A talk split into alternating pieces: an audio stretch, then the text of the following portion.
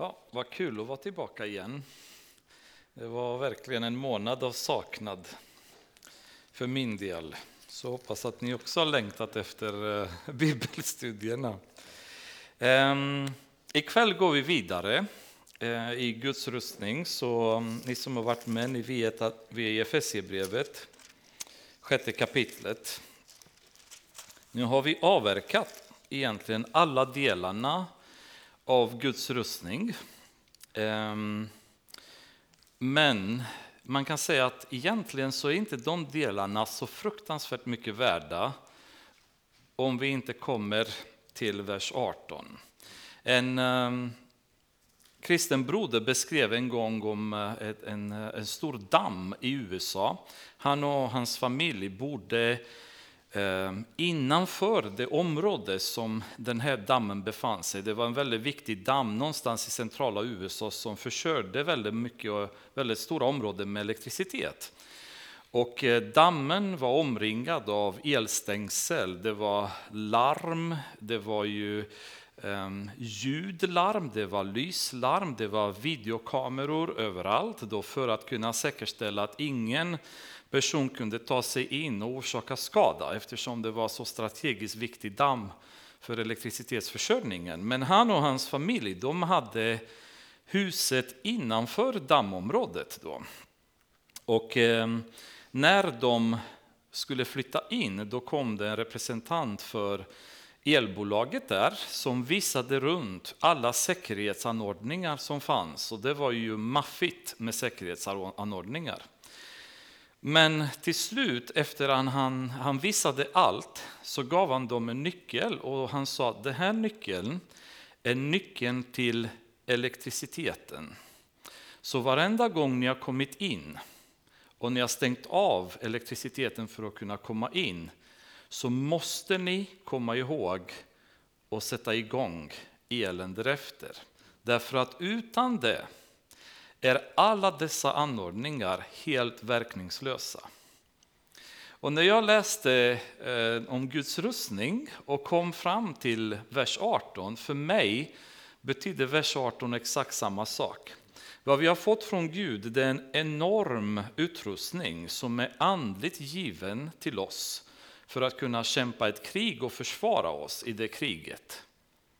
Men vad Paulus gör i vers 18 han ger oss nu nyckeln så att vi kan sätta igång eller sätta på skyddet för vår utrustning. Och i vers 18 säger han Gör detta under ständig åkallan och bön och be alltid i anden. Vaka därför och håll ut i bön för de allra heliga.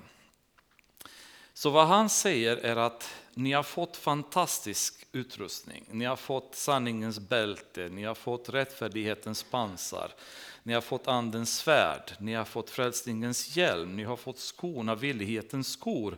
Ni har en utrustning som kan göra mirakel. Men utan bön är det helt verkningslös. Och det är det som är faran ibland kan man säga med bibelstudier, om man säger, om vi kommer till vad vi håller på här. Det är att vi kan stå här år efter år och berika våra kunskaper om Guds ord och vi blir smartare och smartare, vi begriper saker bättre och bättre. Men vi är fortfarande personer som lever i ett, en misslyckad relation med Gud. Därför att vi har aldrig dragit igång nyckeln i elkontakten och vi har inte satt på skyddet för den här eh, utrustningen som vi har. En Guds man sa en gång, ingen människa älskar bönen tills heliga anden har uppenbarat dess sötma och dess värde. Om du någonsin har bett ständigt kommer du att be ständigt. De människor som inte ber är främmande för bönens hemliga glädje. Och vi skulle kunna tillägga att de människor som inte ber är inte främmande för nederlag. skulle man mycket väl kunna tillägga. Bönen är så avgörande för en kristen. Billy Graham blev tillfrågad en gång om du skulle ha levt ditt liv på ett annorlunda sätt, vad hade du gjort istället? Och då sa han, hade jag fått leva det på nytt, då hade jag bett mer och predikat mindre. Och vi vet vad han har betytt för världen, men även han i slutet av sitt liv kände att bönen var det som jag borde ha prioriterat ännu mer än jag gjort. Därför att det är så mäktigt eh, vapen som vi har i våra händer och vapnet mot vilket djävulen inte har något som helst försvar. Allt annat så kan han trixa sig till olika typer av försvar. Vi har sett när vi har pratat om varje del hur han försöker att kontra och vad han försöker att göra för att kunna få de delarna verkningslösa. Men när vi kommer till bön, det är då hans försvar försvinner. Han kan inte göra någonting mot bön eftersom bönen mobiliserar hela andliga armén som sätter igång Guds verk. Vi kan läsa en gång till från vers 10 bara så att vi har sammanhanget, sen går vi vidare sen. Till sist bli starka i Herren och i hans väldiga kraft. Ta på er hela Guds vapenrustning så att ni kan stå emot djävulens listiga angrepp. Ty vi strider inte mot kött och blod utan mot furstar och väldigheter och världshärskare här i mörkret, mot ondskans andemakter i himlarna. Ta därför på er hela Guds vapenrustning så att ni kan stå emot på den onda dagen och behålla fältet sedan ni fullgjort allt. Stå alltså fasta, spänn på er sanningen som bälte kring era höfter och kläd er i rättfärdighetens pansar. Och sätt som skor på era fötter den beredskap som fridens evangelium ger. Ta dessutom trons sköld, med den kan ni släcka den ondes alla brinnande pilar. Ta emot frälsningens hjälm och andens svärd som är Guds ord. Gör detta under ständig åkallan och bön och be alltid i anden. Vaka därför och håll ut i bön för alla de heliga. I första Samuelboken, eh, ni som har läst det, eh, jag vet att tjejerna har plöjt sig genom eh, Gamla testamentet, det var inte länge sedan ni körde genom Samuel, så ni kommer ju vara med på vad jag säger nu. Israeliterna hade ledsnat på att de inte hade någon kung. De var ledda av domare och under den tiden så var det Samuel som var deras ledare. Och judarna såg att alla andra nationer runt omkring de hade kungar, så de kände bara att det är, lite, det är inte coolt att inte vi har också en kung. Alla andra har kungar, så varför måste vi dras med domare hela tiden? De började knorra och gå till Samuel helt enkelt och säga, kan inte du ordna en kung till oss också? Och Samuel han går till Herren och Herren säger till Samuel, det är inte så att de vill ha en kung, det är inte det det handlar om, utan det det handlar om är att de inte vill vara ledda av mig längre. De vill inte ha med mig att göra, därför att när domarna ledde Israel, då var Samuel den som ledde enligt Guds befallning och så följde han det till, till folket. då. Så Gud förstod att de här blir upproriska, de vill ha en kung bara för att komma undan den teokratiska regeringen som fanns i Israel på den tiden. Överallt så fanns det en monarki, men Israel var en teokrati där Gud regerade över landet. Då. Och eh, Samuel går till folket då och säger till dem att okej, okay, om ni vill ha en kung så går Gud med på att ni ska få en kung. Och eh, till slut så visar Gud Samuel att det är ju Saul som han vill att han ska välja som kung över Israel. Och Samuel gör det, han väljer Saul som kung. Men då säger Samuel till folket, bara så att ni vet att ni har upprört Gud. På grund av detta så kommer nu Gud under själva skördetiden, ni kommer uppleva storm och regn och ett väder som inte normalt sett passar för årstiden. Så att ni får det klart för er att ni har gjort Gud upprörd. Och israeliterna som vanligt, de får panik. Vad är detta? Tänk om Gud börjar nu straffa oss. Och så går de till Samuel och säger till honom i desperation, snälla be för oss så inte Gud eh, fortsätter att straffa oss. Och i kapitel 12 i första Samuel, vers 23, så säger Samuel en mycket intressant grej. Jag vet inte om ni som har läst det här har någonsin tänkt på den här versen. Han säger så här. Jag börjar med vers 22 så får vi lite sammanhang. För sitt stora namns skull ska Herren inte förskjuta sitt folk eftersom Herren har beslutat att göra er till sitt folk. Och vers 23. Det vare också fjärran från mig att jag skulle synda så mot Herren att jag slutade be för er. Jättespännande vers där, där Samuel säger att sluta be är de facto en synd. Och det är fjärran för mig att jag skulle sluta be för er, trots att ni förtjänar straffas och så vidare. Men att sluta be är en synd. När Jobs vänner kom till Job och när han var i sitt elände där så säger en av vännerna till honom kan det vara så att en anledning till att du blir straffad är för att du inte har bett tillräckligt? Nu, nu gällde inte det eh, fallet, vi vet varför Job gick igenom vad han gick. Men i, i begreppet hos folk, det var att inte be så var det förknippat med att synda. Att inte leva ett böneliv, det betyder att du lever ett syndigt liv. Att du inte söker Gud, att du inte har den relationen med Gud, det betyder att du lever faktiskt ett syndigt liv. Och hur många av oss egentligen befinner oss i det läget? Som lever ett liv utan bön. Och vi begriper inte att vi egentligen syndar mot Gud. Att vi inte ber. Bönen är så många gånger eh, så att säga befallt genom Bibeln att det ska göras.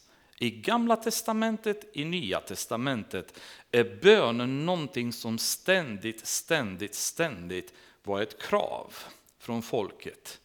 Gud för att förlåta nationen säger till Israel, om ni kommer ödmjuka er och kommer söka mitt ansikte, då ska jag höra från himlen. Utan det så är det inget löfte att jag ens bryr mig.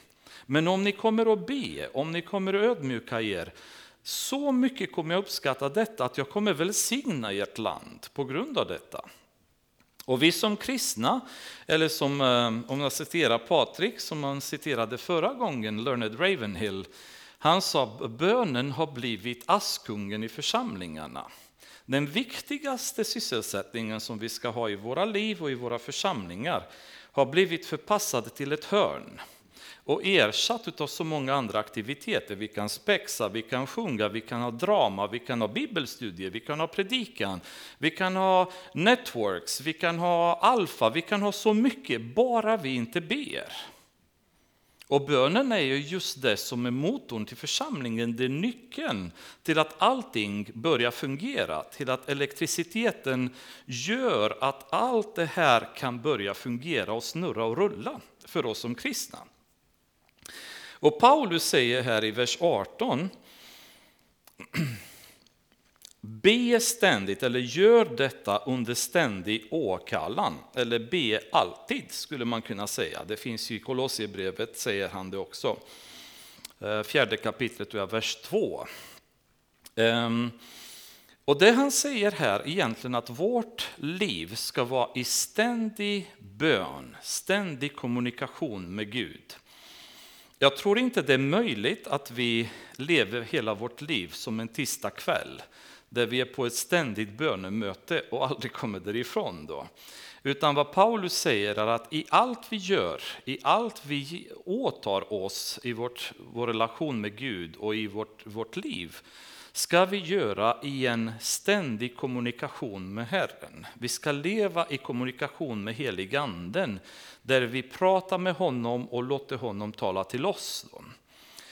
Ehm, men detta ständiga bönen då kan man säga, navigerar dock kring det vi skulle kunna kalla för fasta, intima bönesituationer mellan oss och Herren. Alltså tillfällen då vi drar oss undan för att specifikt ägna vår tid åt att komma och söka Herrens ansikte, där vi går på djupet. Jag upplevt ibland när jag åkte till jobbet på morgonen, eh, Ibland så har jag inte haft koncentrationen att gå på djupet i något samtal med Gud. Men jag har suttit ibland i bilen och bara pratat med Gud som om jag skulle prata med Carolina eller med barnen. Eh, vilket fint väder, Herre, tack så mycket för idag. Det är härligt att vara eh, eller bara försöka att ha ett lätt samtal med Gud om livet, om allt. Det i sig får mig, att må, får mig att må jättebra. Det känns som att det är så skönt att ha den här sköna eh, stunden med Herren. Då. Men med den här sköna stunden med Herren är det ju ibland svårt att genomföra stora verk, att mobilisera stora himlar mer, att genomföra stora projekt.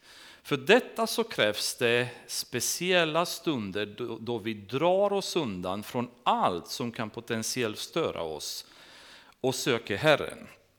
Ehm, om vi läser i Matteusbrevet så har vi Jesus själv faktiskt uppmanar oss och, och mm, menar på att det här är ju viktigt att vi gör. Sjätte kapitlet, vers 6, Matteus. Då säger Jesus så här. Nej, när du ber, gå in i din kammare och stäng din dörr och be till din fader i det fördolda. Då ska din fader som ser i det fördolda belöna dig.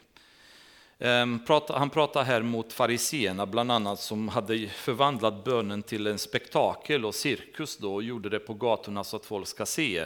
Och Jesus säger, om du ska, verkligen ska be, om du verkligen ska få en bönestund, gå det ingen ser det, stäng dörren till ditt rum och sök den där stunden med Herren. Och han som är i fördolda, han kommer belöna dig. Det är då du kommer få svar på det du kommer be. Allt annat är bara cirkus. Eh, Lukas 5.16, eh, det sägs också om Jesus, men, men han drog sig ofta undan till ödetrakter och bad. Ni kommer ihåg att Jesus väldigt många gånger kunde bara försvinna. Och folk var nästan så här, var har han tagit vägen nu igen? Ja, men han drog bara iväg därför att då behövde han sin stund med Herren. Han gjorde massa saker, han var med folk, socialiserade, hjälpte, botade. Men sen behövde han iväg. Han behövde ta den här kvalitetsstunden med Gud där kriget kämpas in i blod och svett och tårar. Det är den stunden som han behövde komma till och bli stärkt och bli rustad och få vägledning. Om ni tittar i Jesu liv, inför varje stort beslut han har tagit har han innan dess gått iväg och tagit en stund med Herren innan korset, innan han valde, valde lärjungarna, innan han gick på vatten, vattnet, innan han förvandlade sitt ansikte och så vidare. och så vidare. Inför varje stor stund och avgörande stund i hans verk på jorden har han tidigare bara försvunnit och hämtat styrka, ledning från Herren. Även Jesus har behövt göra det. Och vi kastar oss som kristna i massvis med projekt utan att söka Herren innan, utan att verkligen be vad är din vilja Herre? Hur ska vi gå tillväga? Allt ifrån hur vi gör vår business, till vilken utbildning vi väljer, till vad vi gör för, i församlingen. Till exempel, ska vi bygga, ska vi inte bygga? Hur ska vi planera vår verksamhet? och så vidare. Och så vidare. Inför alla dessa projekt så tror jag det är väldigt viktigt att vi tar vår tid och söker Herren. Så att vi vet att det steg vi tar har vi med honom. Vi behöver inte alltid veta vad som väntar oss. Men vi vet att han vill att vi ska gå det hållet. Då går vi i tron. Och vi vet att han kommer vara med oss. Matteus 14.23 står det också om Jesus. Sedan gick han upp på berget för att vara för sig själv och be. När det blev kväll var han ensam där. Om vi går tillbaks till Daniel. Vi, vi landar hela, det var bra att vi gjorde Daniel innan, för nu har vi så mycket gemensamt att gå tillbaks till. Ni kommer återigen ihåg Daniel i sjätte kapitlet när, när persiske kungen eh, reser statyn och vill att alla ska tillbe statyn. Så Daniel säger tack men nej tack, så han sticker iväg därifrån. Och då, då står det att han går hem och gör som han alltid brukade, be tre gånger om dagen. Och ni kommer ihåg att vi har pratat om det även när vi pratade om Daniel där, hur viktigt det är att man har de här speciella stunderna. Vi kommunicerar med Gud hela tiden under dagen. Men att ha de här stunderna när vi går in i vårt rum, vi stänger dörren och är ensamma mot Herren, med Herren. För när vi är ensamma med Herren, då behöver inte vi ha fasad. För när vi ber här i kyrkan, alltså om vi ska vara riktigt ärliga, så är vi ganska noga med att välja rätt ord, att inte säga böner som kan uppröra någon eller avslöja någon hemlighet. Om jag vill be för någon som är sjuk som de andra inte vet att den personen är sjuk, måste jag komma ihåg att be försiktigt så jag inte säger ett namn som är fel, eller, så att jag inte um, inte använder fel ord och så vidare. Alltså det finns en press av att vi, vi tar lite uppmärksamhet från den rena och ärliga kommunikationen med Herren. När vi är ensamma med honom, då kan vi klä av oss eh, fasaderna och vara oss själva. Var den där personen som vi ser framför spegeln när vi tittar på morgonen och vi ser oss själva så som vi är. Personligen har jag märkt också att jag kan be på svenska, jag kan be på engelska, men när jag ber på rumänska, det är då är mina böner som ärligast. Därför att när jag ber på svenska så måste jag ändå tänka på språket så att jag uttrycker mig grammatiskt korrekt och det är redan en del av min uppmärksamhet borta. När jag, när jag ber på rumänska, då kan jag bara vara mig själv. Då kan jag liksom fokusera helt och hållet på Gud och inte på grammatik och inte på något annat, utan full fokus på att bara berätta för Gud vad som ligger inom mig. Och när det står om Jesus här, när det blev kväll var han ensam där. Den här ensamheten med Gud är så hälsosam för oss. Men det är just den här ensamheten som vi har så svårt med idag. Vi blir väldigt rastlösa av att vara ensamma med Herren, eller hur?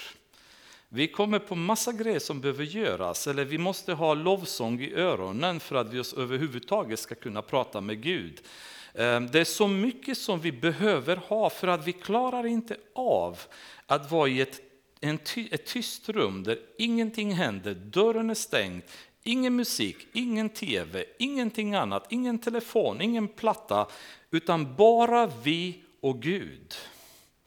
Och öppna vårt hjärta för honom. Det är väldigt tufft. Även om det borde vara det lättaste egentligen. Men det är väldigt svårt.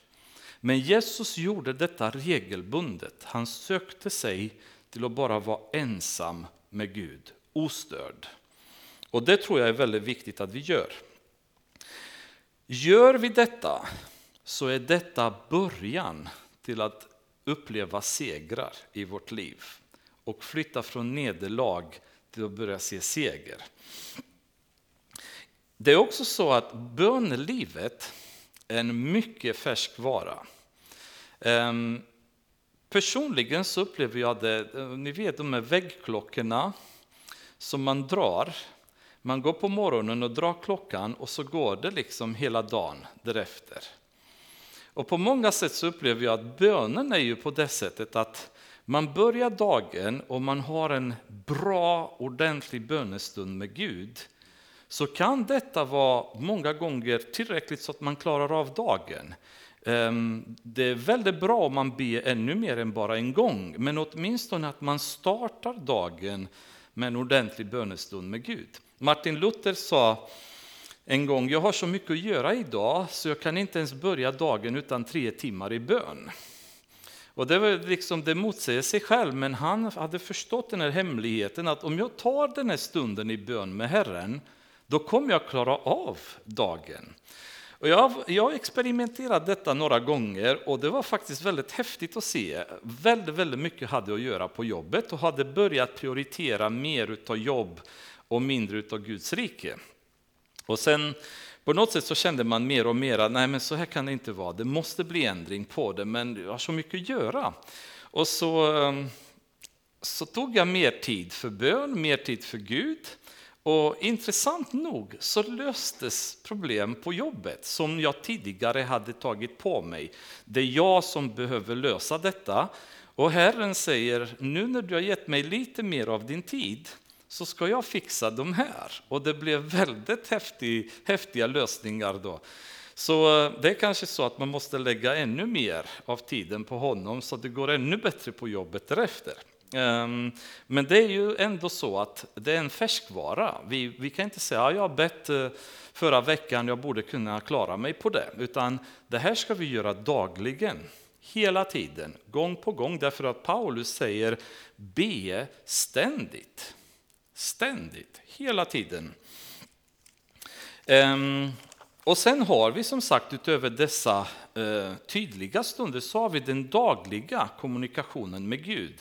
Frågor som vi ställer, saker som vi konstaterar, pratar med honom som vi pratar med, med vanliga personer. Då.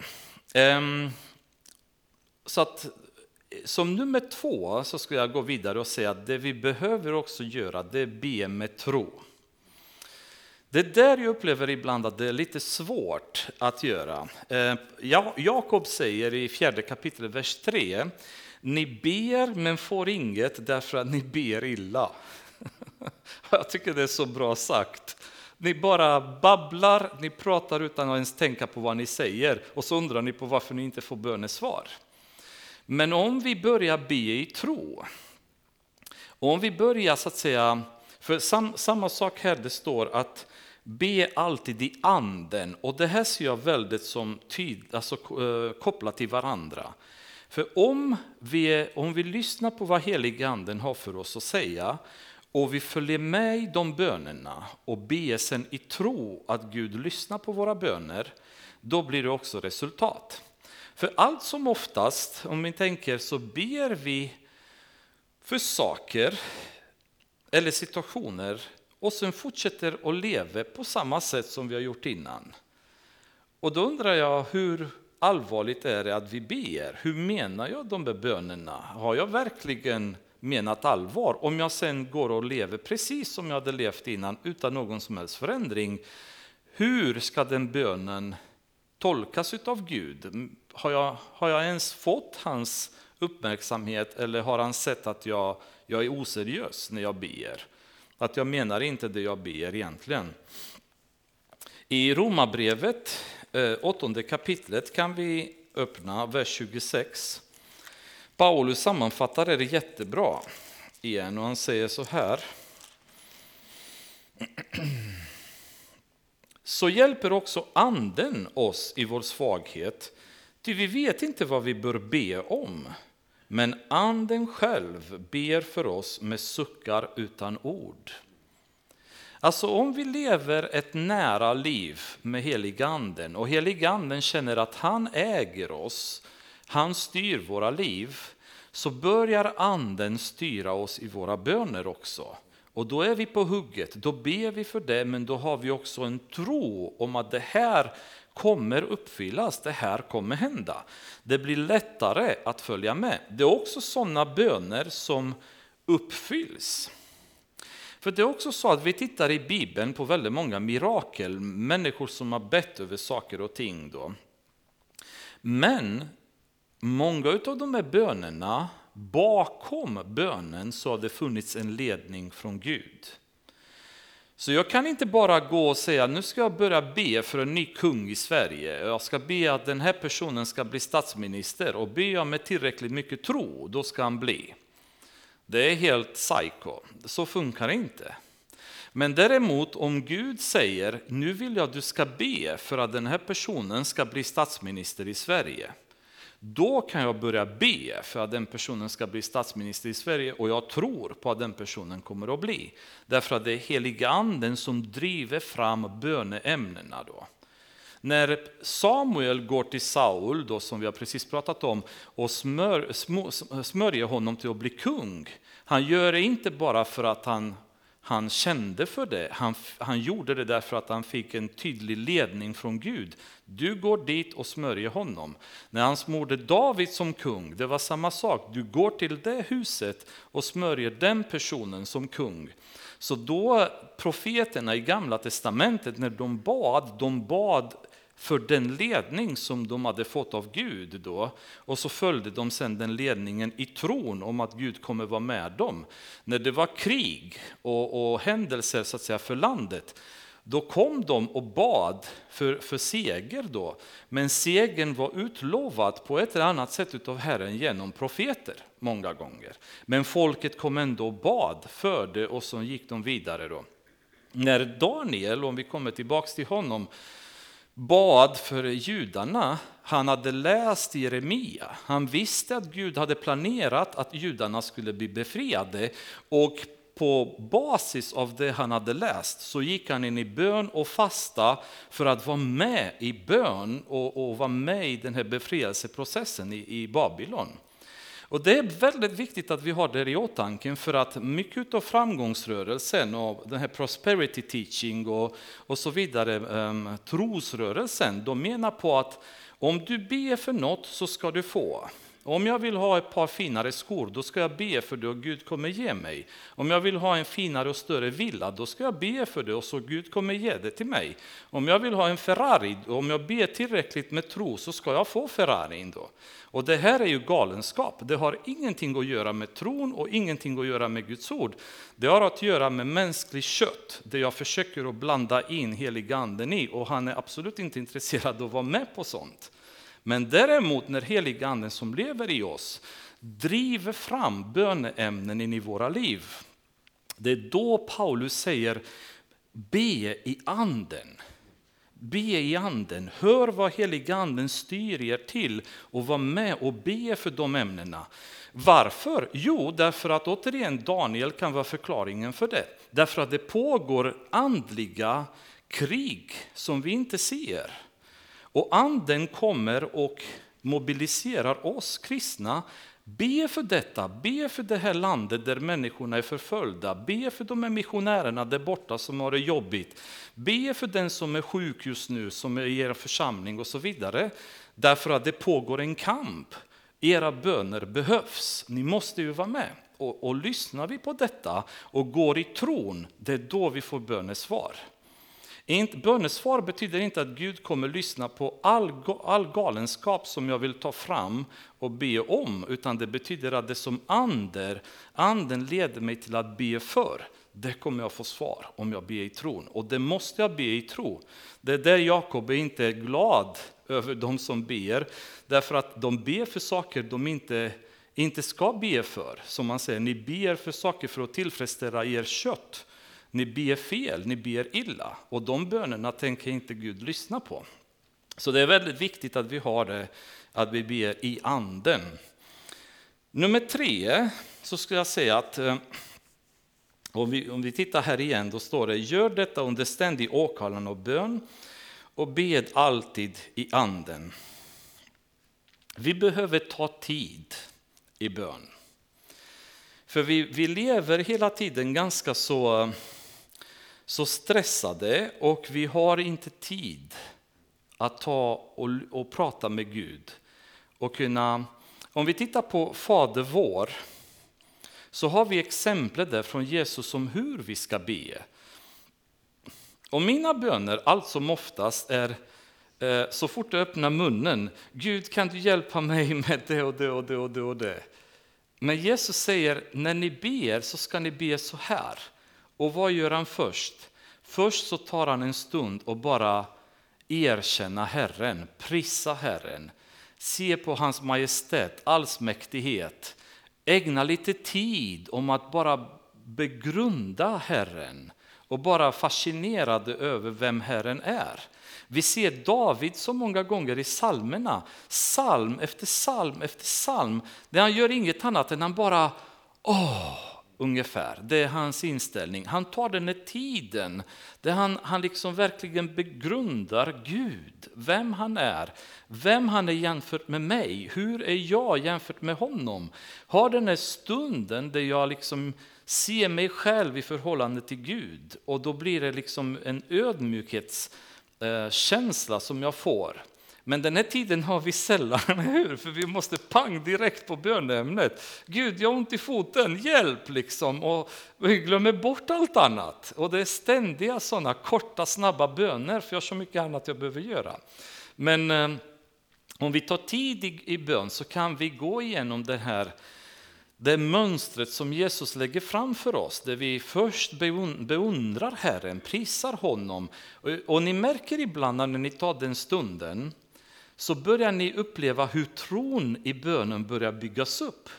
För att när vi börjar inse vem Gud är och vem vi de facto pratar med, när vi kommer till ge oss idag vårt dagliga bröd, då vet vi vid det laget att han kommer göra det. För att det är den här majestätiska fadern som vi pratar med.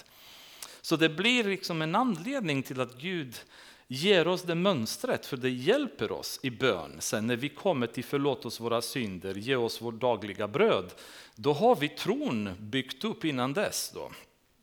Och det är väldigt många böner som vi behöver um, vi behöver så att säga be för, alltså massvis med problem som vi går igenom. Men jag vill inte gå igenom allt, allt ifrån små beslut till stora beslut. Men det är ett område där jag upplever när jag är på bönemöten här i kyrkan, när jag är på möten, när jag lyssnar, även så att säga från andra församlingar, så är det ett område i bönen som har näst intill försvunnit. Och det är syndabekännelsen. Tittar vi i Bibeln så mycket av bönerna handlade om att förlåt mig, de kröp i säck och aska inför Gud.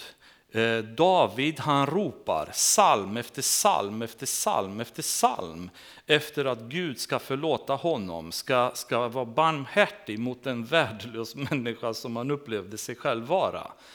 Ehm, Hela Bibeln är full med böner där människorna kommer inför Gud och är brutna över sin situation och ber om förlåtelse för de har vandrat ifrån honom, de har inte lidit hans bud. De ber om förlåtelse gång på gång på gång. I våra liv är syndabekännelsen borta. Vi, vill inte, vi tycker inte om att höra predikas om det, vi vill inte be över det.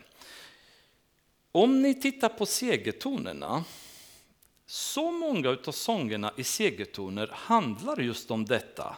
Syndabekännelser, ödmjukhet, komma inför Gud och be Gud om förlåtelse, mer eller mindre kan man sammanfatta. Om ni tittar på den moderna kristna lovsången, hur många av de moderna lovsånger vi har idag handlar om att vi ödmjuka kommer inför Gud och ber Gud om förlåtelse för att vi är så eländiga som vi är. Att vi har gått ifrån honom, vi har vandrat ifrån honom. Många av oss lever i synd mer eller mindre. Ehm, det är borta. Det är väldigt, väldigt tråkigt, därför att där tror jag vi har ett stort problem. Därför att vi kommer bärande på synd i bön.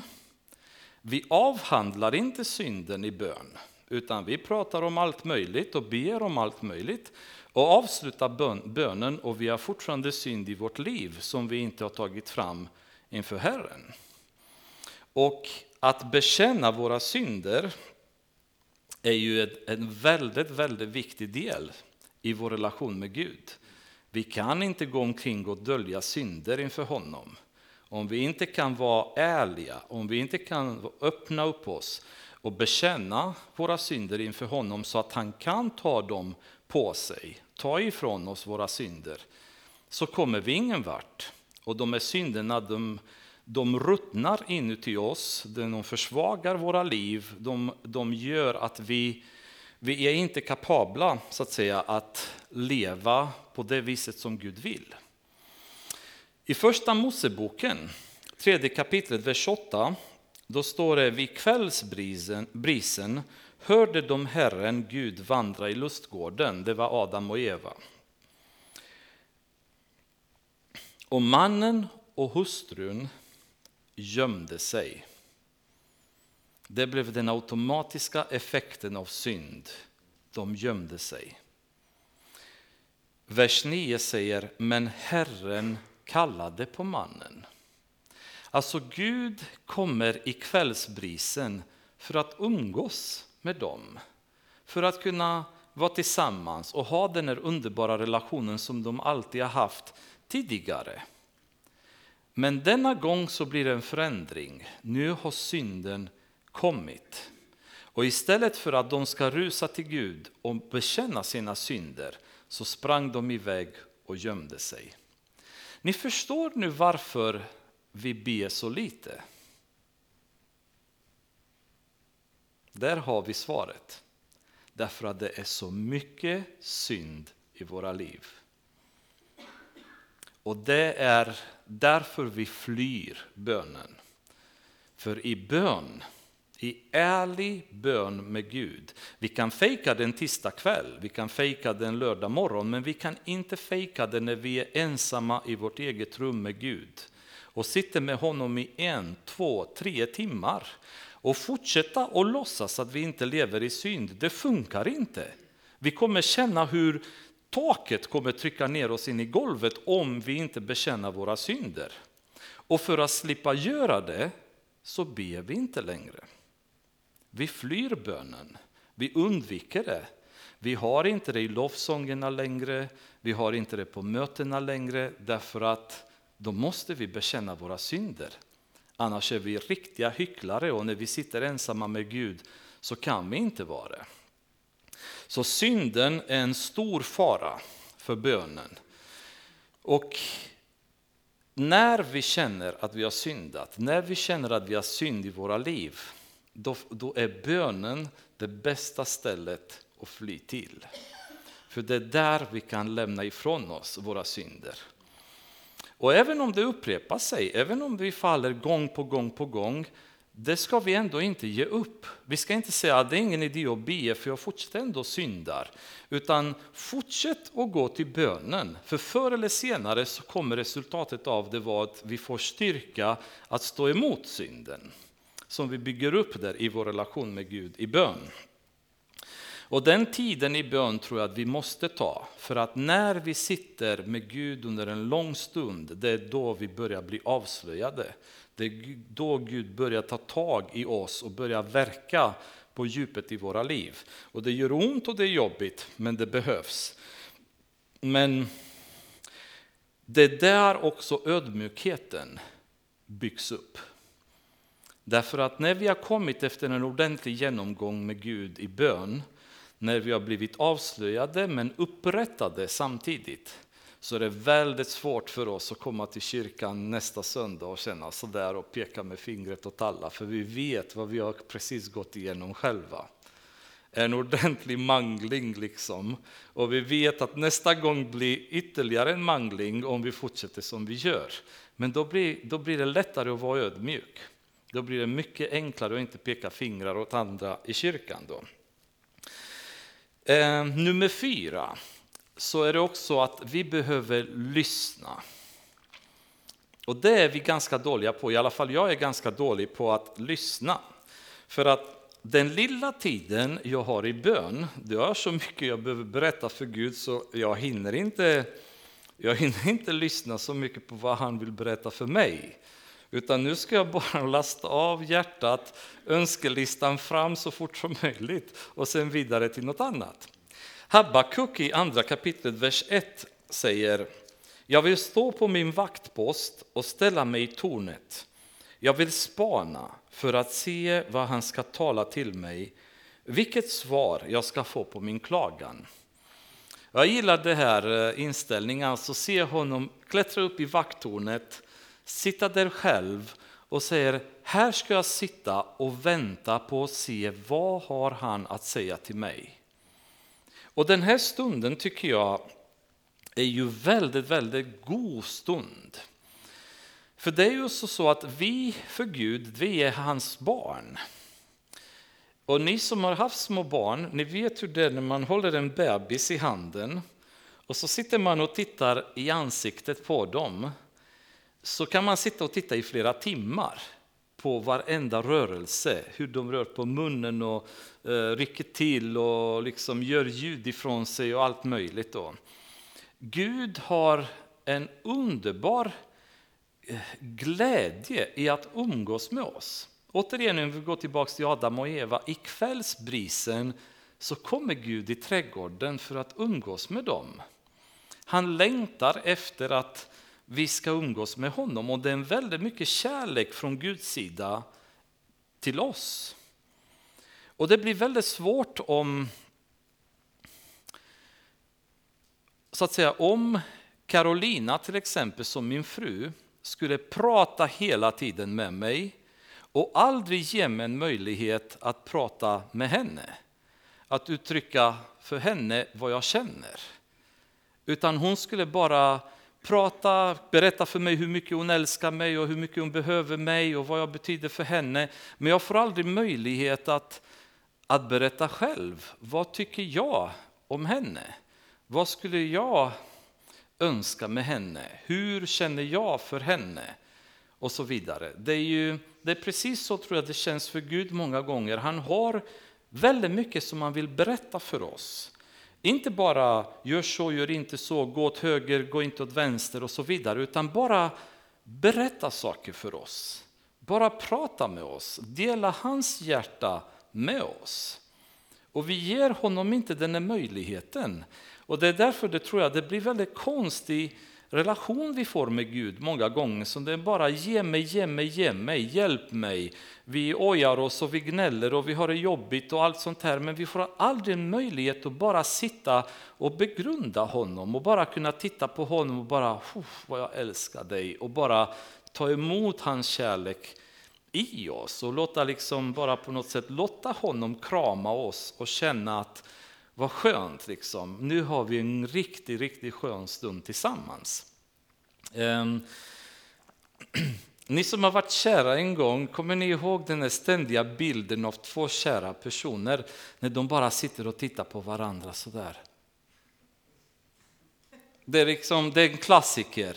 Behöver inte säga något, behöver inte göra något utan bara sådär, kan, hur länge som helst kan du bara titta på varandra, det räcker. Behöver inte säga något, det är så mycket bara kärlek som man bara oh, tittar på varandra. Men den stunden har vi inte med Gud, för vi har så mycket att göra. Så han hinner inte ens se oss. För att puff, vi bara rusar förbi. Förresten Herre, jag har ont i ryggen, hjälp mig, Vum, vidare till nästa uppgift. Då. Och det är en väldigt konstig relation som vi har med honom. Väldigt märklig relation som inte är baserad på kärlek och djup, utan det är en ytlig relation som vi kommer till. Och då är bönen väldigt konstig också. Om vi kommer, det är därför som den här Guds mannen sa i början, den som har någon gång bett ständigt kommer att be ständigt. Man kommer till det där djupet i relationen med Gud när man inte vill därifrån, när man vill bara liksom sitta och titta på Gud och inte vill släppa honom. Så spännande blir det. Så vi måste ta oss tid och lyssna. I Klagovisorna, det är ingen bok som, ni tror, som jag tror ni öppnar för ofta, eller hur? Men då ska vi öppna idag. Det är lite roliga verser där faktiskt.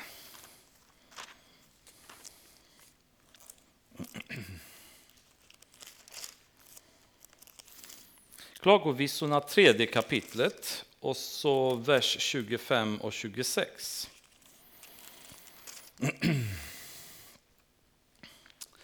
Herren är god mot dem som väntar på honom, mot den själ som söker honom. Det är gott att i stillhet hoppas på hjälp från Herren. Så underbar vers. Herren är god mot dem som väntar på honom. Han är god, genomgående god mot den själ som söker honom.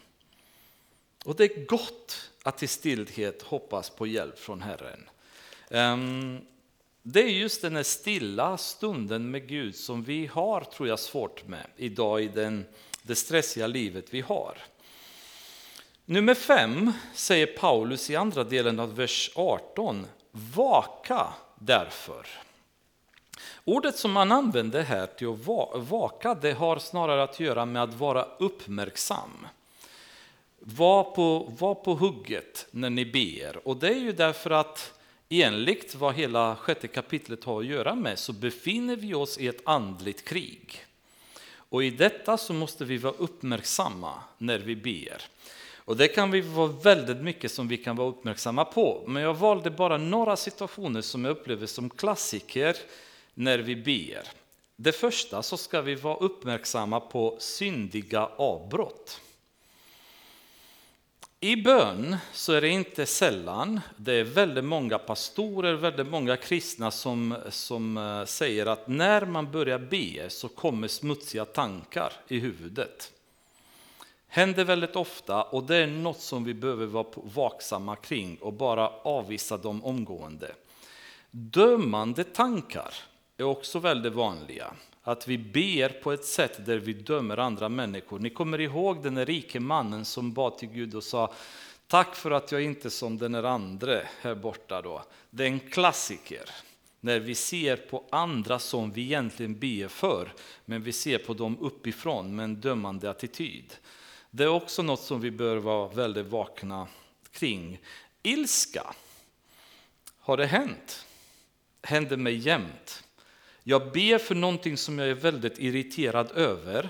Men jag, ju mer jag ber för det, desto mer arg blir jag i bönen. Då. Och det, man, jag låter så att säga, känslorna ta över.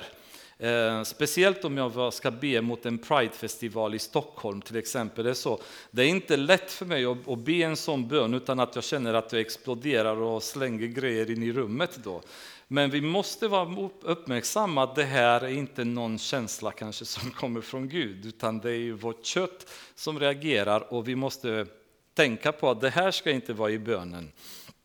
Högmod är också en sån här som smyger in i bön många gånger i det sätt som vi ber. Hyckleri, är ganska vanligt att vi ber för saker samtidigt som de problemen finns i våra liv, men som vi sa, vi bekänner dem inte inför Gud, utan vi ber så allmän, Gud hjälp oss att vara fina, rättfärdiga och så, men vi, vi talar inte om för honom att vi har synder i våra liv som behöver fram, som behöver bekännas. Så det, det, är ju syndiga avbrott som jag brukar kalla, som stör bönelivet, som förstör det då. Sen har vi så kallade icke-syndiga avbrott då telefonen som ringer, någon som plingar på dörren precis när vi ska be. Vi har lite ont i knäna och vi orkar inte sitta kvar så det, ja, det räcker för idag. Ungefär, jag går vidare och gör något annat. Um, mail som jag kommer på att jag måste ha svarat på, det har jag glömt. Eh, någon arbetsuppgift som jag glömt att ta tag i. Oj, jag måste fixa det här innan jag glömmer och så vidare. Det är inte nödvändigtvis synder, men det är grejer som avbryter vår bön.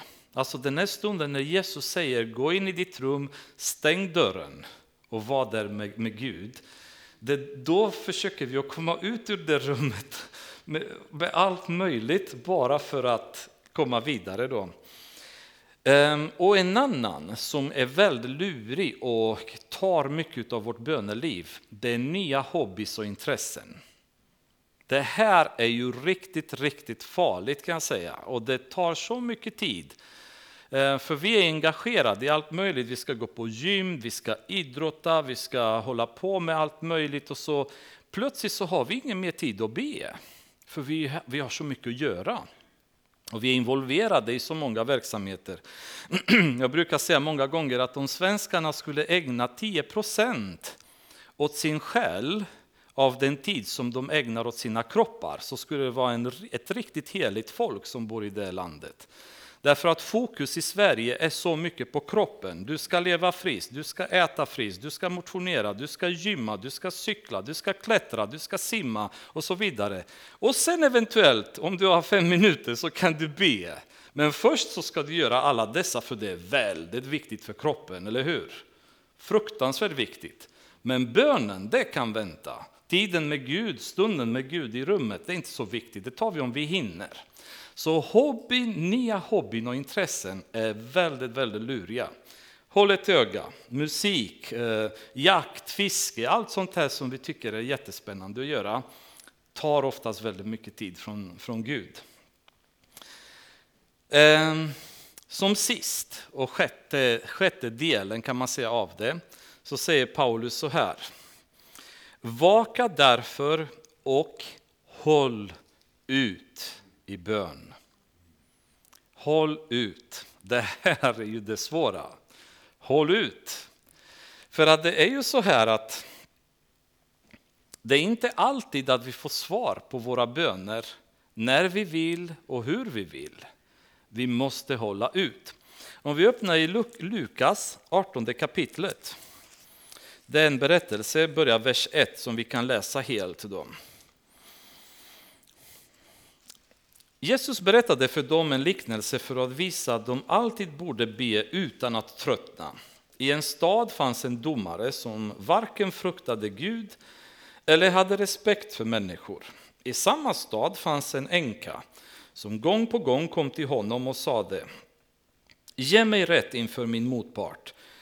Till en tid ville han inte, men sedan sade han till sig själv Även om jag inte fruktar Gud eller har respekt för någon människa ska jag ändå ge den här änkan rätt, därför att hon är så besvärlig. Annars kommer hon till sist att pina livet ur mig med sin ständiga besök. Och Herren sade, hör vad den orättfärdige domaren säger. Skulle då inte Gud skaffa rätt åt sina utvalda som ropar till honom dag och natt, då han ju lyssnar tåligt till dem? Jag säger er, han kommer snart att skaffa dem rätt. Men ska väl Människosonen, när han kommer, finna en sådan tro på jorden? Det här är ju en, en klassisk berättelse om att hålla ut, banka på, ge det inte, fortsätt att be, fortsätt att be. Um, ibland så kan det vara så att vi kanske ber för någon till exempel att bli helad, eller vi vill bli helade själva. Och ibland så kan det vara så att vi kanske kommer bli helade, kanske inte händer nu, kanske händer om några veckor, om några månader. Vi vet inte. Det kan mycket väl vara så att det händer. Eller så kanske är det så att vi måste genomgå Jakob 5 och 16. Att vi måste bekänna våra synder inför varandra först innan vi kan uppleva helande och därför blir vi inte helade. Eller så är vi precis som Paulus som får svaret från Gud, min nåd är dig tillräckligt. Du kommer inte bli helad, men du kommer finna ro och frid och glädje i den situation du befinner dig i.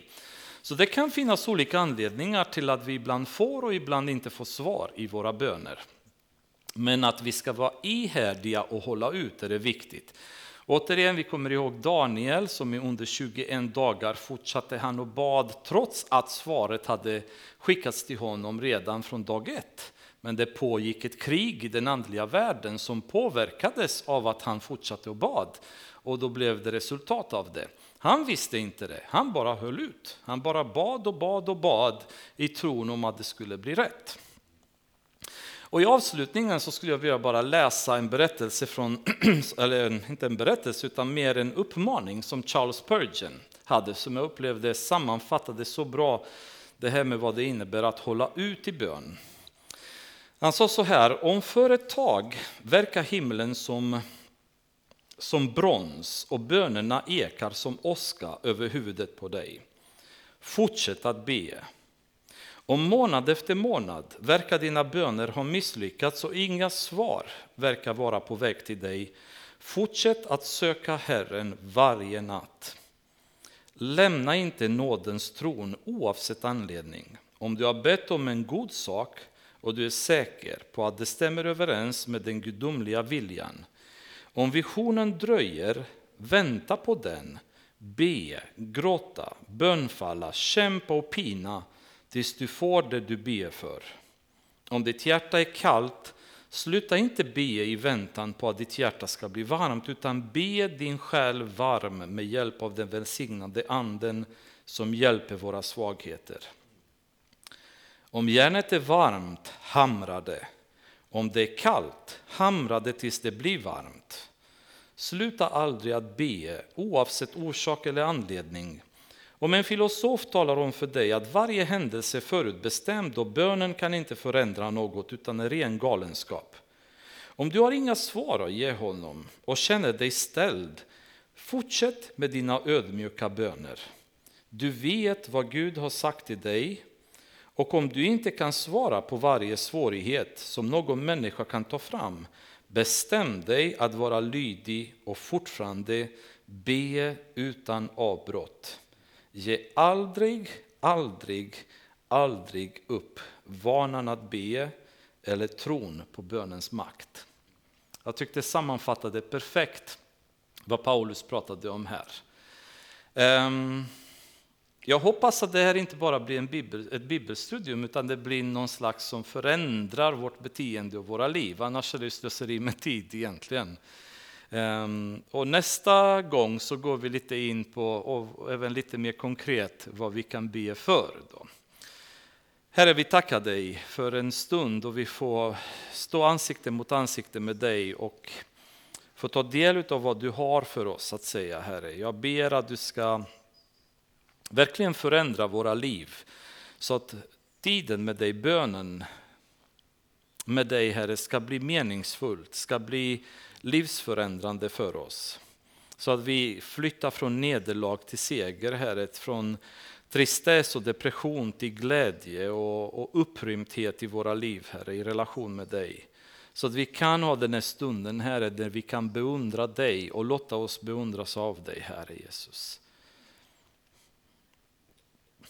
När vi har det här lilla rummet där du och var och en av oss, Herre, kan umgås dagligen. Prata om allt.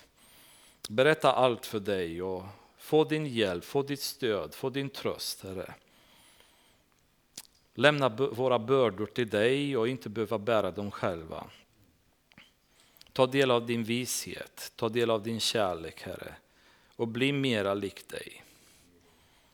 Jag ber för hela den här församlingen, Herre, om ett böneliv för var och en av oss där vi Börja se små förändringar och sen se större och större förändringar. Herre, där ödmjukhet ska följa, där synden ska rensas ur våra liv, Herre.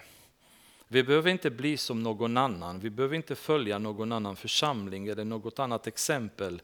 Det enda som jag önskar, Herre, är att vi följer dig. Att du blir den vi följer, du blir den vi lyder, Herre. Ditt ord ska vara det enda som gäller för våra liv, Herre. Jag tackar dig för eh, den här otroliga förmånen vi har att be, att komma till dig. Att du som universums skapare har alltid tid för oss. Dörren är aldrig stängt. Ditt öra är aldrig döv, Herre. Du hör alltid oss när vi ropar till dig och när vi umgås med dig. Vilken förmån, Herre. Låt oss få ta vara på detta och inte negligera den här stunden av bön som vi kan ha med dig i våra rum med dörren stängd. När du och jag får ha kvalitetstid med varandra, Herre. Herre Jesus, som alltid så ber vi i ditt namn och tror på att vår bön ska bli lyssnad. Amen.